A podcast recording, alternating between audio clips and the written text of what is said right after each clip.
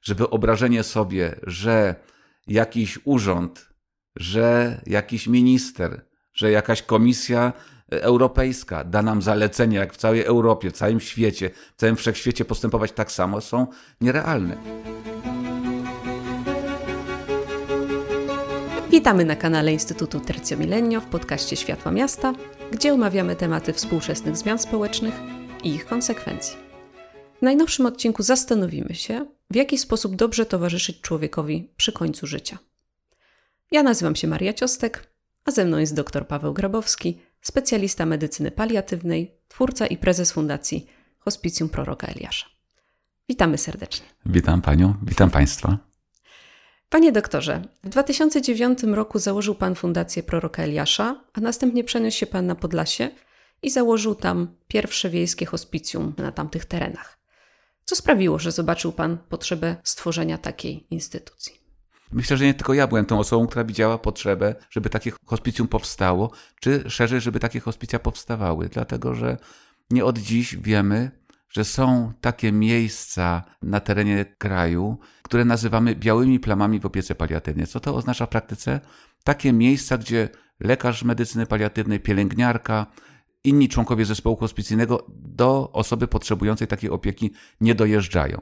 Można by się zapytać, czy to jest jakiś problem, czy nie jest tak naprawdę, czy on jest wydumany, czy rzeczywiście jest to problem. Ale to by trzeba sobie wtedy najpierw odpowiedzieć na pytanie, o co chodzi w całej medycynie paliatywnej, co my tak naprawdę robimy. Bo dla części osób, jak mówimy hospicjum czy hospicjum domowe, to kolejne zdanie, kolejne słowo, które przychodzi do głowy, to jest umieralnia. Jak e, mówimy wolontariat hospicjum albo hospicjum, to się nam wydaje, że to są tacy ludzie, którzy tam siedzą i trzymają za rękę tych, którzy umierają i nic więcej się już nie da zrobić. Znowu to biorę duży taki cudzysłów.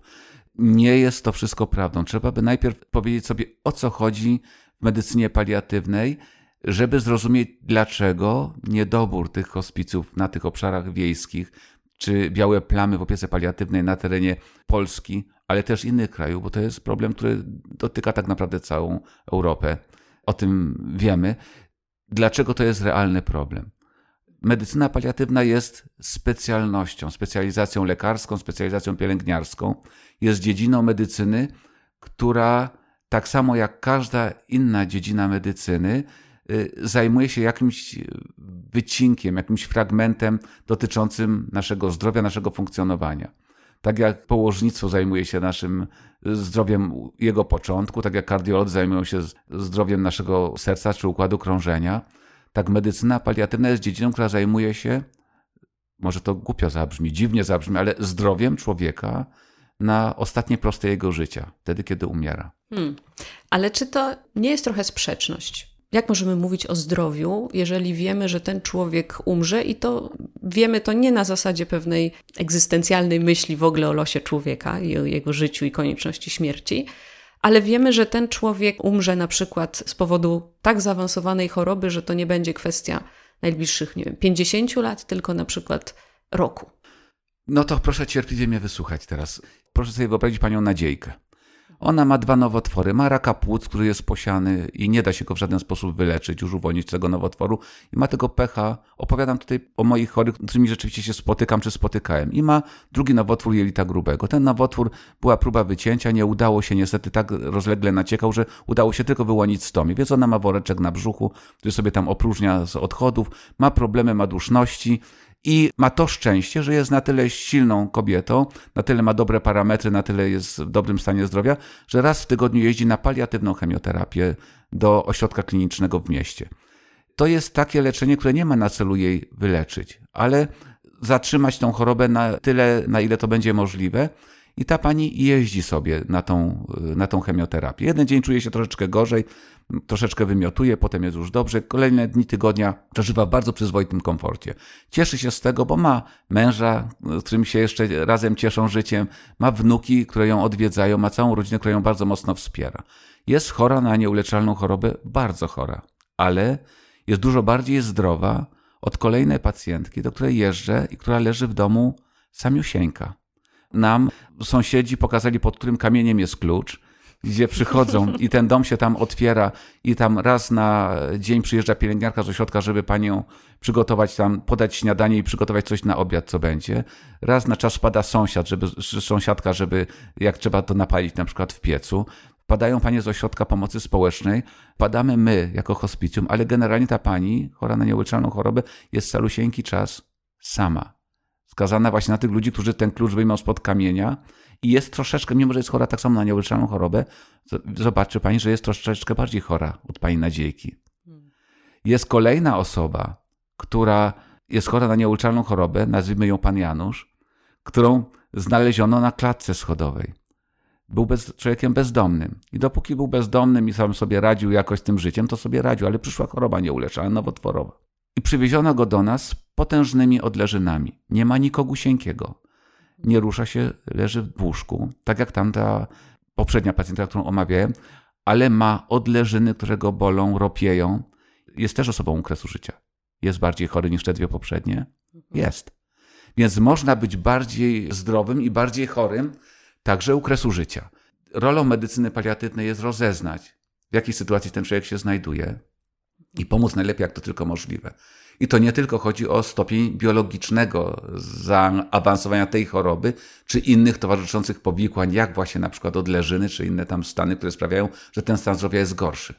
Człowiek, który dowiaduje się o nieuleczalnej chorobie, różnie na to dość reaguje. Jeden zbiera wszystkie siły i próbuje coś tam zawalczyć. Ktoś inny wpada w potężny dół, ktoś inny w zaprzeczenie, ktoś inny reaguje jeszcze inaczej. Znowu naszą rolą jest rozeznać, na jakim etapie tego chorowania do tej osoby doszliśmy, jakie ma zasoby, nie tylko te rodzinne, które ma lub nie ma, lepsze lub gorsze, ale takie psychiczne zasoby radzenia sobie z tą chorobą nieuleczalną, jak trzeba. Dlatego w zespole hospicyjnym jest psycholog. Mhm. Dlatego korzystamy z opieki osoby duchownej. My nie mamy kapelana w hospicjum, podziałamy na terenie wieloreligijnym, wielokulturowym, więc jeżeli potrzeba, to dzwonimy do prawosławnego Batiuszki, czy do katolickiego wikarego, czy proboszcza i mówimy, że jest taki czy inny kłopot i trzeba by zajechać i ten człowiek dostaje wsparcia też duchowego w tym momencie. Dlatego mamy panią, która pełni rolę, no kiedyś w hospicjach byli pracownicy społeczni, teraz w ramach oszczędności pewnie zrezygnowano z tych osób. My mamy taką osobę. To jest osoba, która jest w stanie zorganizować tą opiekę temu człowiekowi z zasobów, które istnieją dookoła, żeby rzeczywiście można było no, jak najlepszych warunkach, w jak najlepszym zdrowiu, tym szeroko rozumianym zdrowiu, dożyć to swoje życie do samego końca. Hmm. To jest bardzo piękne, co Pan mówi, to, ale to też oznacza, że właściwie do każdego pacjenta musicie Państwo podchodzić bardzo indywidualnie. No to chyba oczywiste. Nie wiem, nauczyciel wydaje mi się też, że podchodzi do każdego ucznia indywidualnie. Jak jadę do mojego mechanika z samochodem, to podchodzi do każdego z nas też bardzo indywidualnie. To nie jest nic dziwnego. co, jak mówią, co człowiek, to historia i to chyba jest rzeczą absolutnie oczywistą, że wyobrażenie sobie, że jakiś urząd, że jakiś minister, że jakaś komisja europejska da nam zalecenia, jak w całej Europie, w całym świecie, w całym wszechświecie postępować tak samo, są nierealne. My realizujemy teraz duży projekt dotyczący opieki nad osobami zależnymi na obszarach wiejskich. Jesteśmy po spotkaniu takim w realu w Brukseli, ale poprzednie spotkanie było zdalne. I na tym spotkaniu ludzie, którzy bardzo podobny projekt do nas realizują w Hiszpanii, powiedzieli: Nie da się, nie jesteśmy w stanie my, z punktu naszego ministerstwa, dać jednych zaleceń na całą Hiszpanię. To są tak różne regiony, tak, o tak różnym poziomie rozwoju społeczno-gospodarczego, o tak różnej mentalności, że każdy z tych regionów musi wymyślić, musi opracować zalecenia sami dla siebie. Więc jeżeli my, no trochę tak jakby pewnie chcieć wsadzić kibiców Real Madryt i wiem, FC Barcelona do jednego PKS-u i, nie, i, i dziwicie potem, że są tam jakieś problemy z tego wynikają. Nie da się zrobić pewnych rzeczy, projektując je z góry. I to jest obecnie jakieś ogromne odkrycie. Jak się e, zaczyna pewne rzeczy planować gdzieś oddolnie, to się mówi o potężnych innowacjach, decentralizacji. Nagle takie słowa padają, jakby ktoś odkrył Amerykę i że to należy teraz robić. Nie jest to nic zupełnie odkrywczego. Chciałbym Państwu o tym powiedzieć tutaj i Pani również, tu zgromadzonej.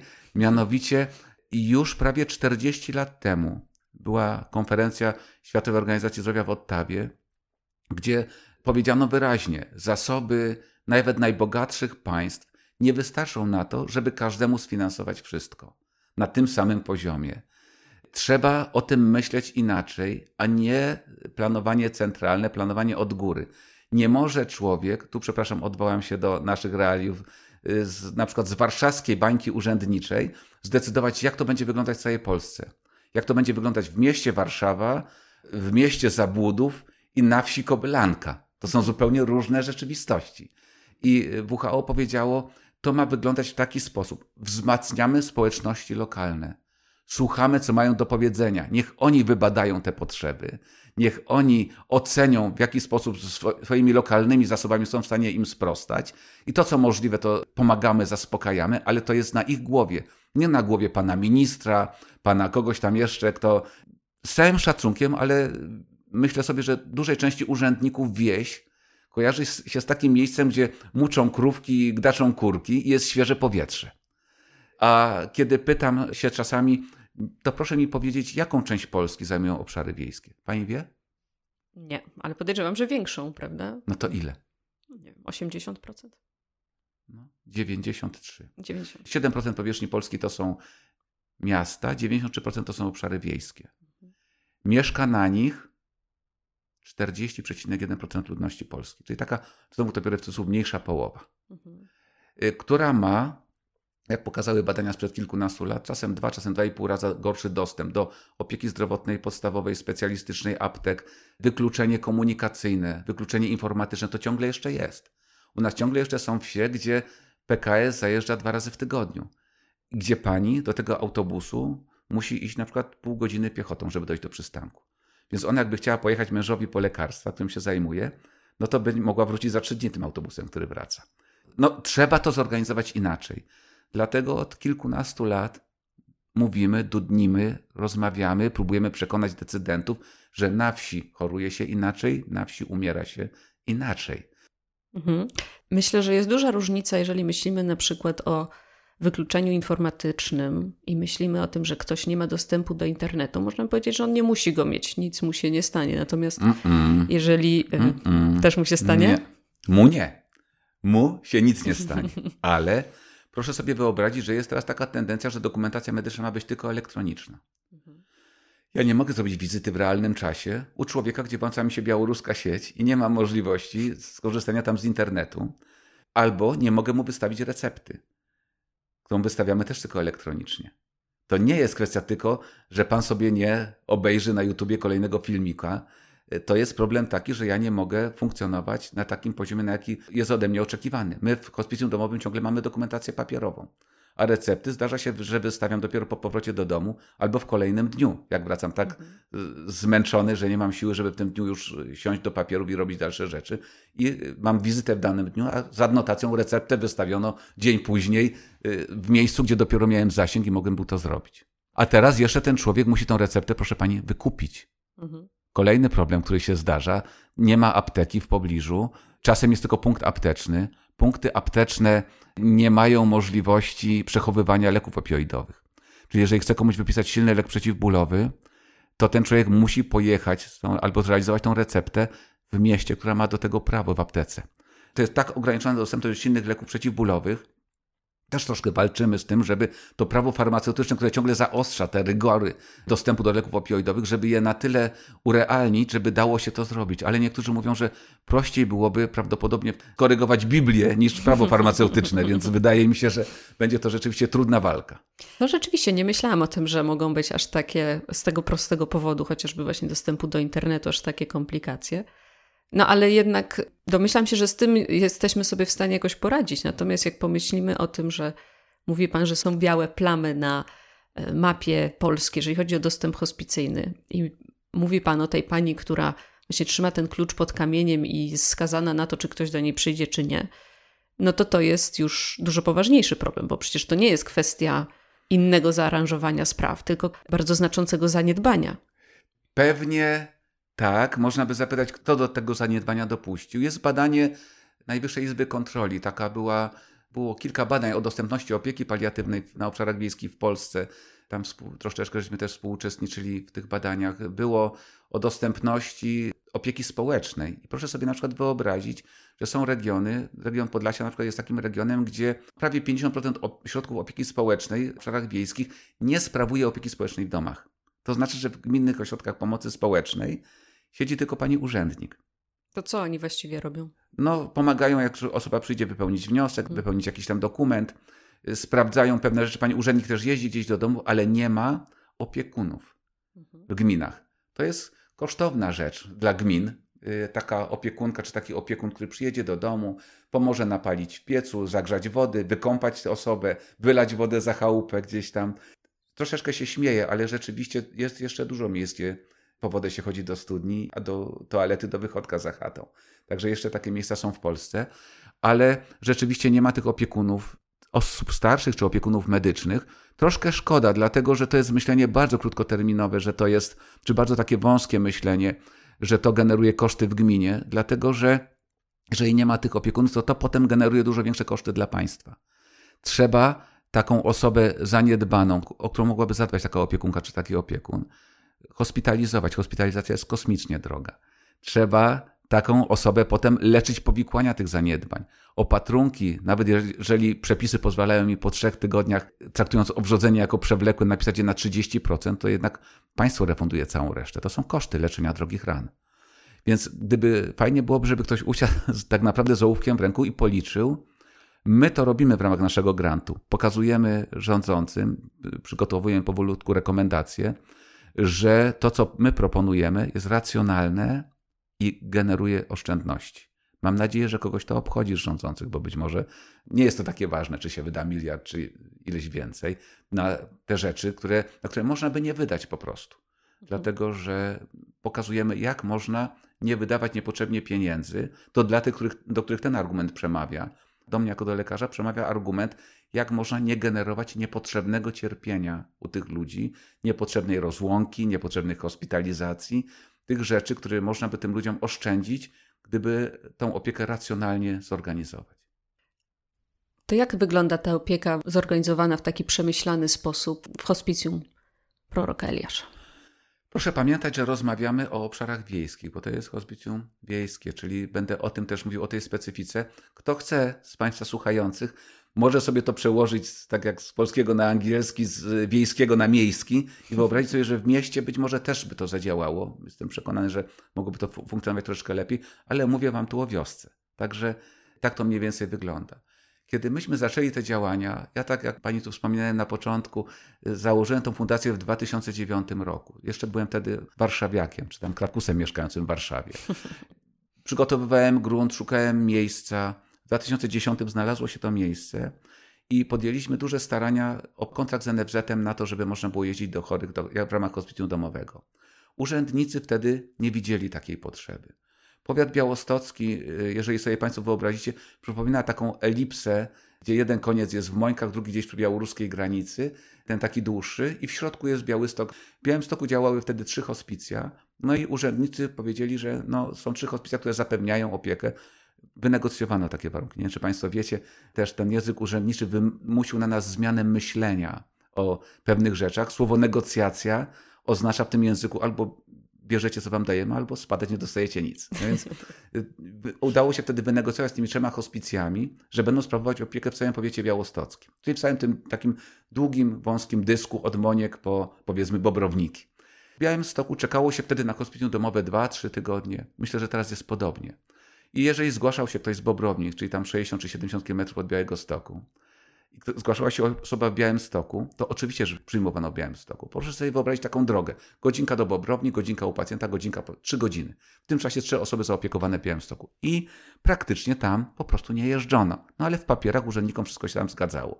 Tą białą plamę ja widziałem w opiece paliatywnej, y, ucząc się do specjalizacji z medycyny paliatywnej widząc jak ta opieka wygląda, urzędnicy nie widzieli. Mieli spokojne sumienie, że przecież wynegocjowano z trzema hospicjami, że sprawują tam opiekę i ona jest tam sprawowana. Ludzie byli bez opieki i ja pierwszy raz w życiu, w XXI wieku, zobaczyłem kobietę, około 50-letnią, która y, z rakiem narządu rodnego, wyła z bólu jak zwierzę, nie mogła utrzymać mocu i stolca, z bólu. Wydawałoby się, że w XXI wieku takie rzeczy się nie dzieją. No, niestety, z całym szacunkiem tak. Staraliśmy się gdzieś przez około rok. Poszły już po wsiach informacje, że będzie tam hospicjum. Ludzie prosili o pomoc. Jedni, drudzy, kolejni mówią, poczekajcie, poczekajcie, poczekajcie.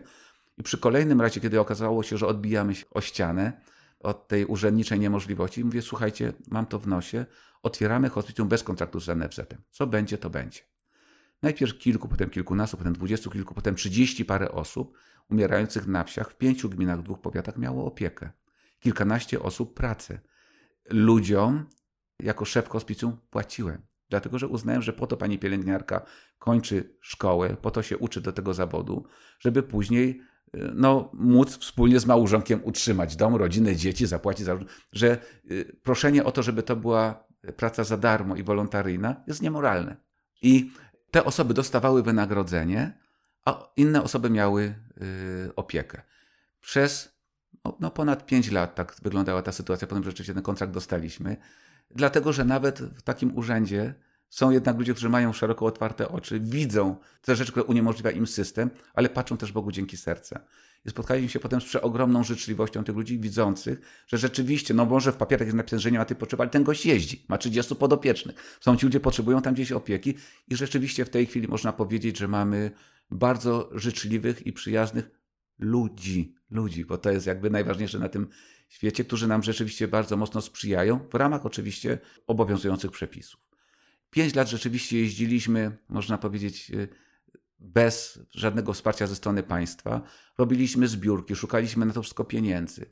Kiedy dostaliśmy kontrakt na te kilkanaście osób, bo tak wyszło znowu z obliczeń, że na tyle wolno nam tylko dać, okazało się nagle, że my mamy y, połowę, czasem dwie trzecie pacjentów, którzy umierają na choroby spoza tabelki NFZ. Spoza tych, które pozwalają na to, żeby dostać opiekę paliatywną i refundowaną ze strony państwa. Czyli NFZ finansowało nam powiedzmy tam kilkunastu, a pozostałe, bo wtedy ta liczba już dochodziła do 40, finansowaliśmy w dalszym ciągu ze zbiórek i tak jest do dnia dzisiejszego. Tyle, że od kilku lat były granty, były projekty, dzięki którym mogliśmy tym osobom też opiekę zapewniać. No tak wyglądały te początki, tak wygląda to obecnie, jeśli chodzi o hospicjum domowe. Hmm. Ale rozwinął Pan też ten projekt, ponieważ y, teraz założył Pan też hospicjum stacjonarne, które już działa. Tak, Częściowo. to znaczy to też nie miało chyba nic wspólnego z projektem, bo nie było wtedy żadnych y, grantów, nie było wtedy żadnych funduszy, których można było to sfinansować. To jest rzecz, ten budynek, który działa już od nieco ponad roku, w którym ma miejsce siedziba hospicjum domowego, to jest rzecz, która powstała tylko i wyłącznie dzięki darczyńcom. Jeżeli umiecie sobie Państwo to wyobrazić, że w ciągu trzech lat, bo w 2000 2019 roku wmurowaliśmy kamień węgielny w lipcu i trzy lata później równo wjechał tam pierwszy pacjent. Było uroczyste otwarcie. Y, w ciągu trzech lat, a był to czas COVID-u, pandemii, inflacji, wszystkich plag egipskich, które mogły, było, mogły były spaść na, na tą okolicę, udało się wybudować, wyposażyć i uruchomić hospicjum. Tylko dzięki darczyńcom. Nie było żadnego grantu, żadnego dofinansowania ze strony państwa, żadnego dofinansowania ze strony funduszy europejskich. Zebraliśmy to osoby indywidualne, firmy, które się chciały w to zaangażować i pomóc nam w tym dziele i jest, działa już nieco ponad rok. Myślę, że to jest też dowód, że ludzie widzą tą potrzebę i uważają to za słuszny cel. To znaczy, to jest też niesamowite moje doświadczenie z czasów pandemii. Szukaliśmy rozpaczliwych środków w różnych miejscach. Y, rozmawialiśmy ze znajomymi w Ameryce, którzy tam prowadzą też rozgłośnię radiową, mają tam dostęp do Polonii i mówią: Słuchajcie, to nie jest dobry czas. Jest pandemia, ludzie są zajęci swoimi sprawami, Y, nie będziemy o tym rozmawiać, bo nikt wam nic tutaj nie podaruje. I ja sobie myślę, kurczę, no nie wiem, czy oni się mylą, czy nie mylą. I pytam się mojej pani Justyny z działu fundraisingu, jak to jest u nas. Ona mówi, niech pan popatrzy, pokazuje mi tabelkę. Kwota darowizny zmalała, ale liczba darowizn cały czas nam rośnie. Czyli my jednak tutaj, Polacy, stwierdziliśmy, że jest trudno, dlatego podaruje troszeczkę mniej, ale darczyńców nie ubywa zdumiewające. Jaka inna mentalność, można powiedzieć, towarzystwa w Ameryce i nas tutaj Polaków, którzy dalej chcą pomagać. No i dzięki temu, że jesteśmy może wszyscy trochę trzepnięci, nie tylko doktor, który to postanowił wybudować, udało się to po prostu zrobić. Hmm. No to jest piękna rzecz. Proszę powiedzieć, jak zmienia się życie takiej osoby, która dowiaduje się o, o, o tej chorobie albo jest już chora od dłuższego czasu i przechodzi pod Państwa opiekę. Co możemy dać takiej osobie? Znowu użyję tego słowa wytrychu, że co człowiek to historia. Każdy potrzebuje y, czegoś innego lub czegoś troszkę innego. Jedna jest rodzina, gdzie po prostu potrzebują poczucia bezpieczeństwa, więc przyjeżdżamy, przedłużamy czasem receptę na lek przeciwbólowy, patrzymy, czy tej dawki nie trzeba zmodyfikować. I mamy takie poczucie, że największym lekiem, który możemy zanieść, jesteśmy my sami, i takie poczucie, że gdyby coś się zdarzyło, to są pod naszą opieką. I są osoby, gdzie wisimy na telefonie, bo osoba jest umierająca, jest w agonii, ma niedrożność przewodu pokarmowego. Trzeba reagować co parę godzin, modyfikując to leczenie.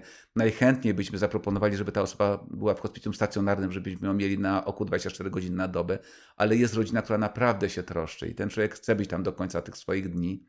I jesteśmy na telefon, zajeżdża pielęgniarka, zajeżdża lekarz jesteśmy w kontakcie z lekarzem rodzinnym, który też y, zaangażowany jest w ten taki czas i pozwalamy tej osobie dożyć tego swojego życia do samego gdzieś końca. Więc każdy coś innego. Jest dużo osób, które mówią, że na przykład jeżeli właśnie osoba jest w takim dużym bólu, to lepiej byłoby może skrócić jej cierpienia, a nie pozwalać jej dożyć tych dni. Wiecie co, no mamy sposoby na to, żeby ten ból był mniejszy. Przepraszam, że tak mówię, bo najczęściej wszyscy by chcieli usłyszeć, żeby pozbawić osobę bólu, żeby w ogóle, żeby mogła żyć bez cierpienia. To najczęściej, z całym szacunkiem, ale wy Państwo dziennikarze albo osoby, które rozmawiają, oczekują jakichś takich rozwiązań i ja się wtedy pytam, a naprawdę, jak Pani przeżywa teraz swoje życie, to nic Pani nie boli? Przepraszam, z całym szacunkiem, ale rano wstanę i gdzieś mnie łupnie w krzyżu.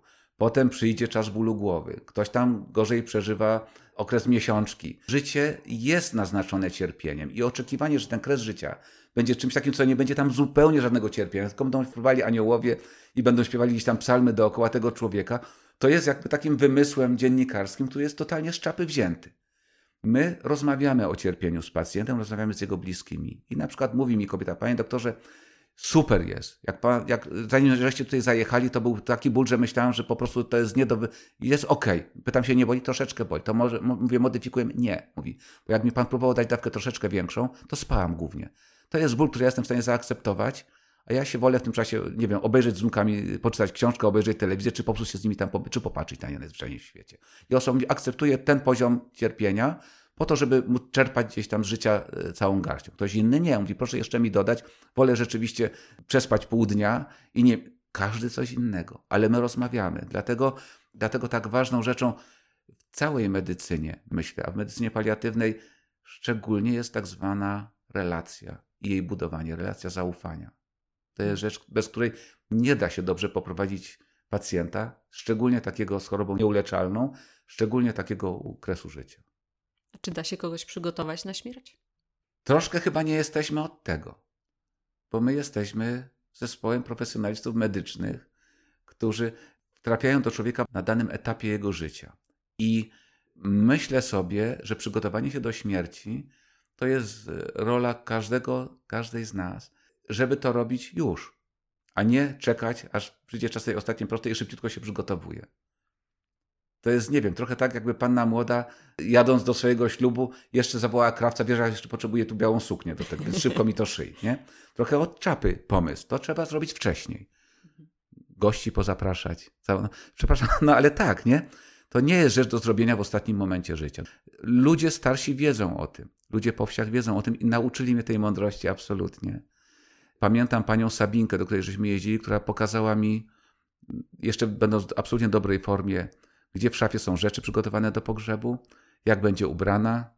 Ładnie, panie doktorze, nie? Tak zalotnie sobie myślałem, kurczę, no niezła, kreacja, bomba, nie? Do trumny, jak znalazł. No ale rozmawialiśmy o tym absolutnie naturalnie, o tym wszystkim.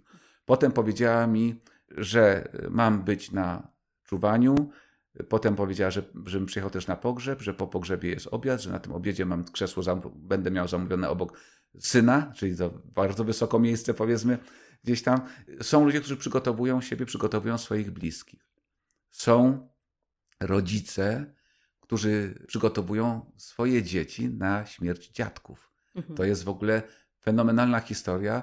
Y, parę takich rzeczy przeżyłem, parę takich zdarzeń przeżyłem. Dzięki temu powstała też książka Dziadek Franek, którą napisałem, książka o umieraniu, właśnie przeznaczona dla dzieci.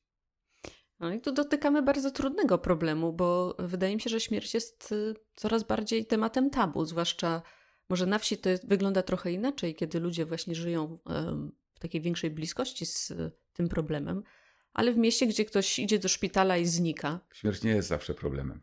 Złapajmy z tym problemem. No.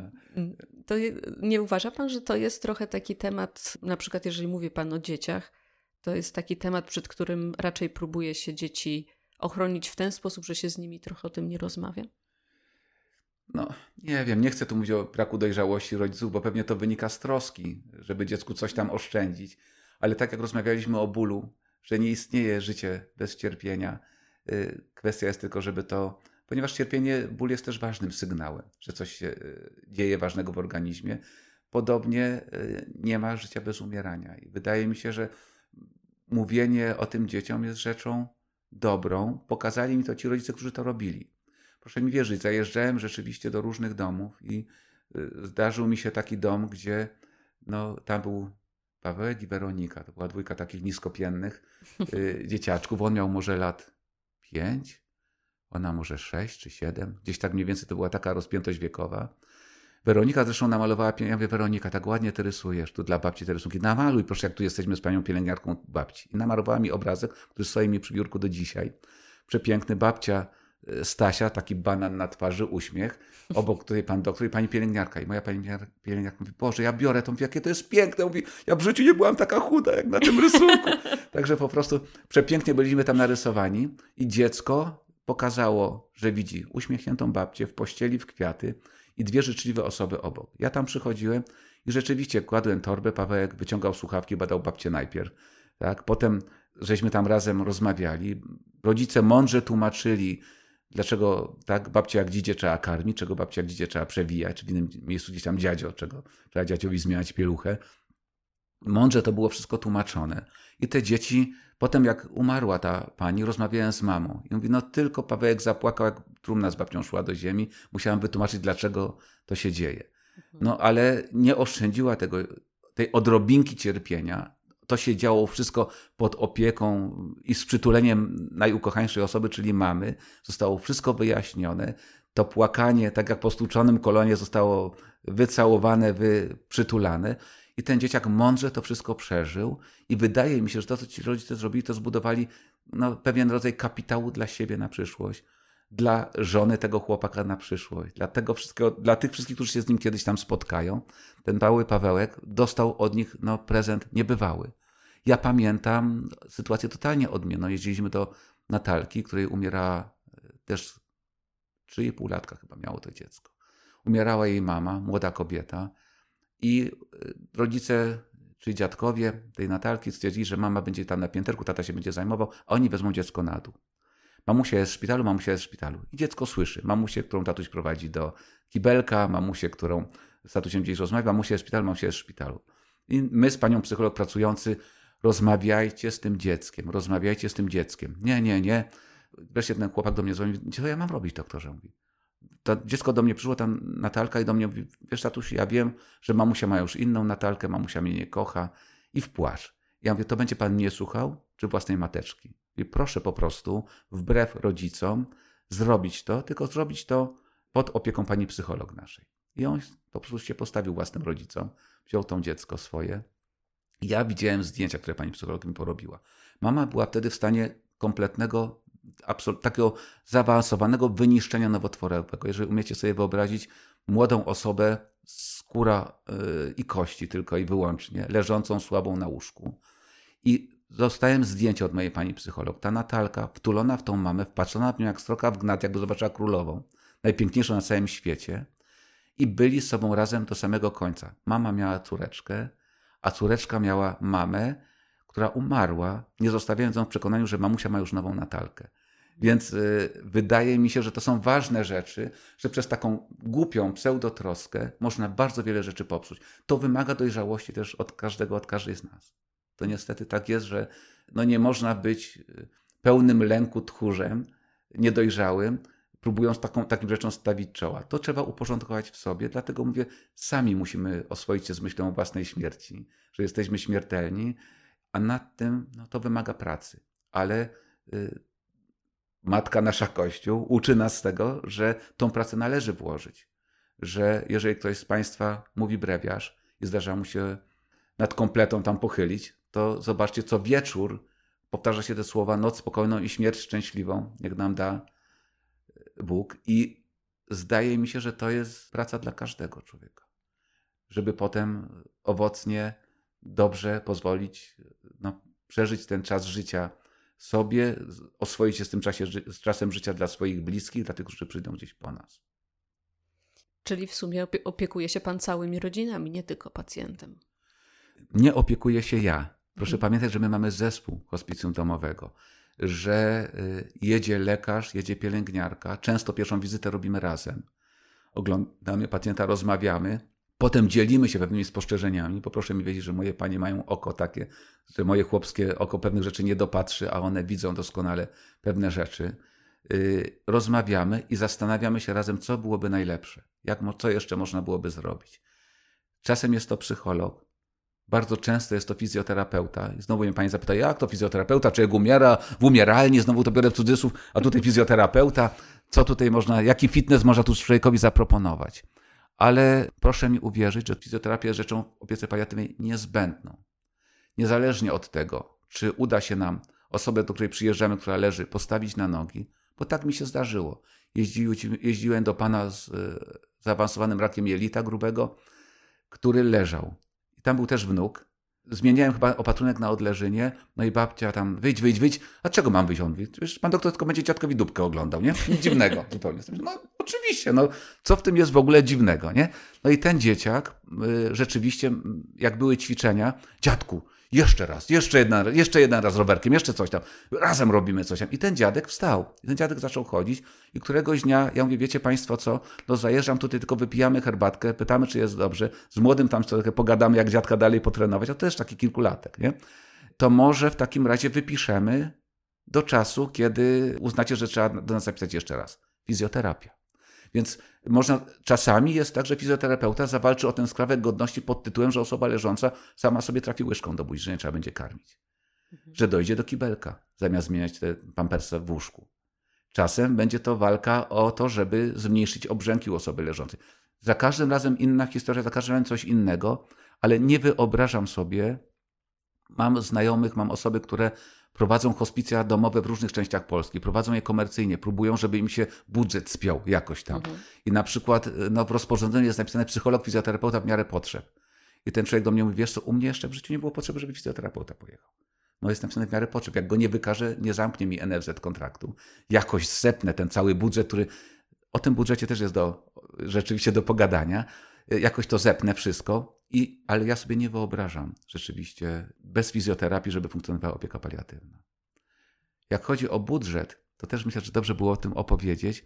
Też bym chciał zadać Pani pytanie takie, czy widziała Pani kiedykolwiek, żeby, nie wiem, dyrektor szpitala klinicznego na Lindleya, dyrektor szpitala na Banacha, czy dyrektor któregoś tam z oddziałów tych szpitali stał pod kościołem i zbierał pieniądze na swój oddział.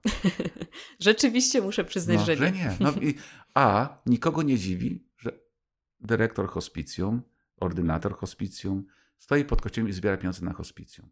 To jest ciągle niedofinansowana działka.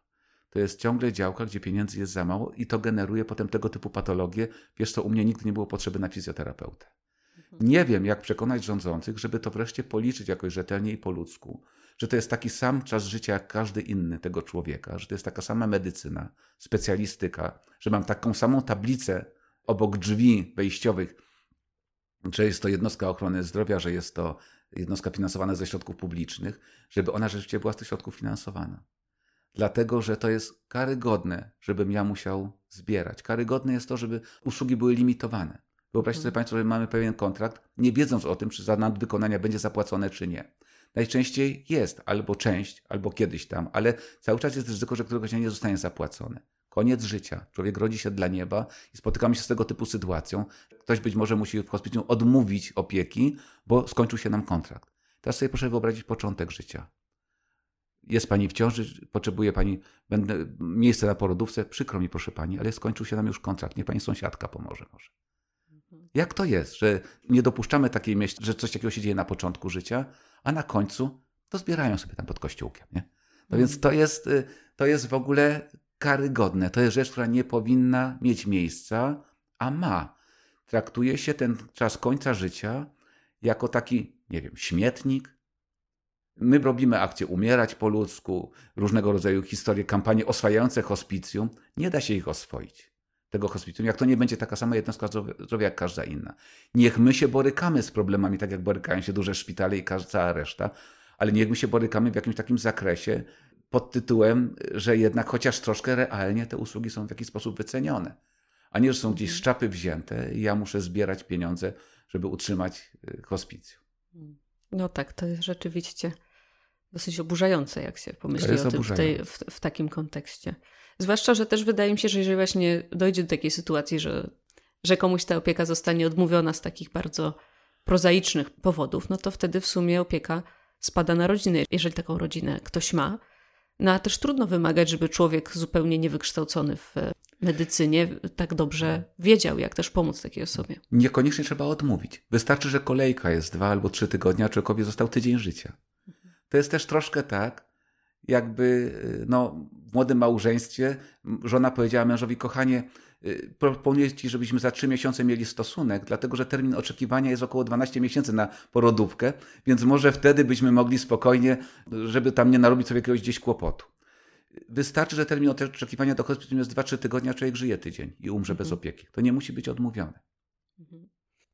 No tak, ale w przypadku tygodnia mamy do czynienia z taką dosyć szybką śmiercią. A co jeżeli na przykład to trwa latami? Nie ma czegoś takiego jak szybka śmierć. Proszę mhm. pamiętać, że jak to napisał e, Staudinger, każdy ma całą śmierć, choćby miał życia ćwierć. Więc e, nie ma czegoś takiego jak szybka śmierć. My nie wiemy, ponieważ czas płynie bardzo różnie każdemu i nie wiemy, czy ten, komu zostało 5 minut życia, nie żyje dłużej niż ten, komu zostało 20 lat. Oczywiście jest umęczona rodzina 20 latami opieki, a inaczej umęczona tymi pięcioma minutami. Ale jak pani sobie przypomni Dostojewskiego, jak opowiada tam u Jepanczynów, jak opowiada mhm. o tej przypadku tego skazańca, taką z y, książę Myszkin, tą opowieść, pokazuje jak czas przed śmiercią potrafi się gdzieś dłużyć. Także to jest absolutnie względna mhm. historia, dlatego trzeba tak samo zaopiekować się tym, komu zostało kilka minut życia, jak temu, komu zostało ileś dni życia. Ja mhm. podczas jednych ze zajęć ze studentami no, rozmawialiśmy o potrzebie dobrego, dobrej komunikacji, szacunku do pacjenta. Któraś ze studentek do mnie powiedziała, no jak tam, tak naprawdę panie doktorze, jakbym była chora, to niechby był Humble mnie dobrze zoperował. I ja mówię, no być może tak, rzeczywiście, że jak ma pani do usunięcia wyrostek i leży pani na tym łóżku, przyjdzie jakiś tam chirurg i powie, ale ma grube łydy, ale gruba baba, nie? Ale ma coś tam, nie? No i to wszystko pani dobrze zniesie, potem będzie, będzie pani zdrowa. Ale jeżeli człowiek jest umierający, to nie może takiego chama mieć przez całe swoje życie do śmierci obok siebie. Nie może takiej prostaczki mieć przez całe życie obok siebie. Musi mieć osobę empatyczną i współczującą. Dlatego to mierzenie czasu w opiece paliatywnej z punktu widzenia pacjenta jest troszeczkę bez sensu. Z punktu widzenia opieki, kosztów, kosztów, które ponosi rodzina, oczywiście, także tych y, no, nie tylko materialnych, tych zdrowotnych, tych emocjonalnych, jest to rzeczywiście ważna rzecz. Dwie różne perspektywy po prostu. Myślę, że to bardzo piękne, że też kładzie Pan taki nacisk na szacunek do tej osoby umierającej. Wie Pani, to nie jest też tylko piękne. Można by zupełnie racjonalnie do tego podejść, jak do kosztów, że to obniża koszty. Że jeżeli y, ja będę szanował tą osobę, to lepiej zadziałają leki, które jej podam. I jakby pani spojrzała, znalazłem kiedyś taki podręcznik propedeutyki medycyny sprzed 200 lat. W pierwszych zdaniach tam człowiek, który o tym pisze, pisze, że lepiej traktowany pacjent lepiej się po prostu leczy, najzwyczajniej w świecie. Szanujemy też siebie, ponieważ taka opryskliwość, uprzedmiotowianie pacjenta może być objawem wypalenia zawodowego, ale może być też rzeczą, która do tego wypalenia po prostu prowadzi najzwyczajniej w świecie. Więc wydaje mi się, że oszczędzamy też sami siebie jako zawodowców, jako profesjonalistów, dobrze traktując pacjenta. My się z tym mamy lepiej. Mhm. Czy w jakiś sposób przekazuje Pan tę wiedzę kolejnym pokoleniom lekarzy? tak, wie lekarzy? Pani, jak Pani widzi, mam siwą głowę. Kolejne pokolenia przychodzą. Prowadzę różnego rodzaju zajęcia. Teraz jest ich troszeczkę mniej, dlatego że no, myśmy dopiero co skończyli budowę. Uruchamiamy hospicjum. Ono jest jeszcze, można powiedzieć, to hospicjum stacjonarne, troszkę jakby w pieluchach. To jeszcze jesteśmy takim dzieciakiem, którego trudno jest wypuścić z rąk. I jeszcze wiele rzeczy tam trzeba pilotować, żeby to się gdzieś dobrze działo. Przez kilkanaście lat naszych działań prowadziliśmy, czy prowadziłem bardzo wiele tego typu działań edukacyjnych. Właśnie dwudniowe warsztaty Umieranie ludzka rzecz dla studentów medycyny, spotkania z różnymi grupami profesjonalistów medycznych, rozmawianie o tym na jakichś konferencjach. Sami organizowaliśmy takie konferencje. Działanie edukacyjne dla dzieci i młodzieży, czy to w oparciu właśnie o książkę Dziadek Franek, czy to w oparciu o jakiś tam inny temat, który sobie razem wymyślimy, o którym chcemy rozmawiać. Moje panie pielęgniarki miały na przykład taki sposób, że zabierały torbę paliatywną, którą wożą z sobą, torbę pielęgniarki opieki paliatywnej na zajęcia z dzieciakami w przedszkolu albo w nauczaniu początkowym. Wyjmowały tam wszystkie ostre rzeczy i dzieci mogły buszować. A to po co? A to do czego? A to do czego? A tu się cewnikuje, a tu się robi tak, a tutaj tak, a kiedy się cewnikuje? A wtedy jak coś tam. A i nagle okazuje się, że te dzieciaki potężnie zainteresowane słuchają o tym, na czym polega praca, jak się pomaga osobie, która jest bardzo ciężko chora.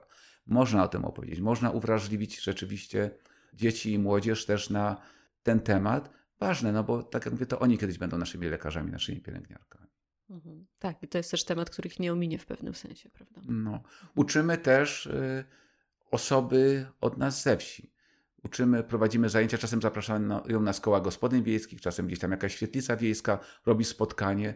I to znowu jest działanie, które znowu o pieniądzach, nie? ale obniża koszty. Dlatego, że jeżeli nasz fizjoterapeuta pokaże tym kobietom, które mają swoich chorych rodziców, czasem współmałżonków, czy tym mężczyznom, bo panowie też się pięknie zajmują swoimi chorymi małżonkami. Nasz rekordzista, 13-letni pan Walenty, do dzisiaj go odwiedzamy rzeczywiście.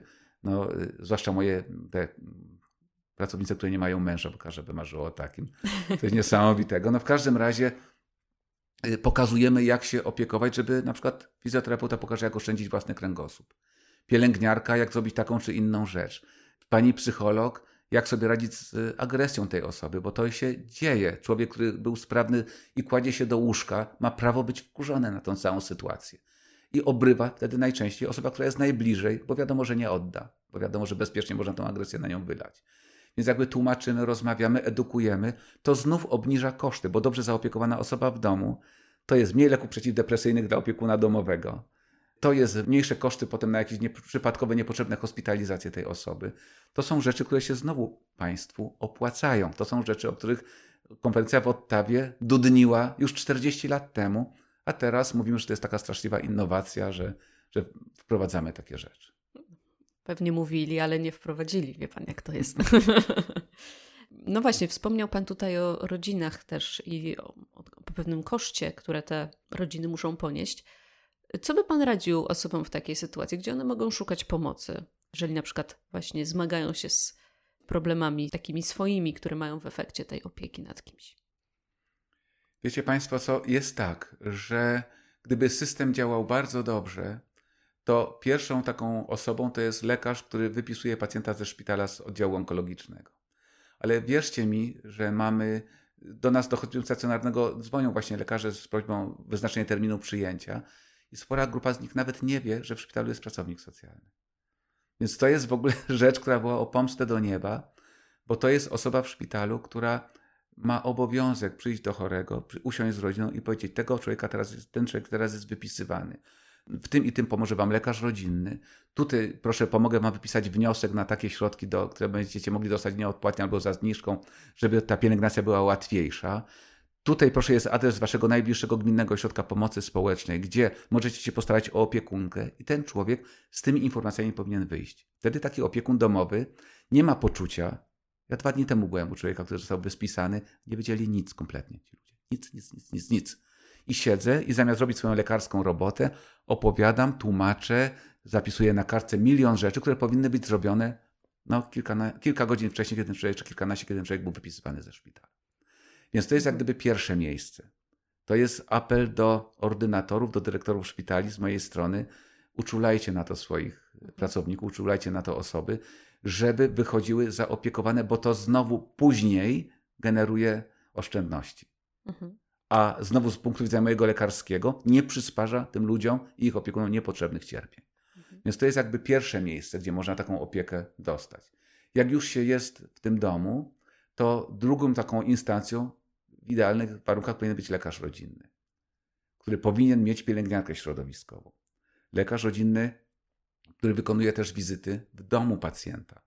Nawet jeżeli dostaliście skierowanie do, pod opiekę hospicjum domowego, to to nie wyklucza dalszej opieki onkologicznej, opieki lekarza rodzinnego.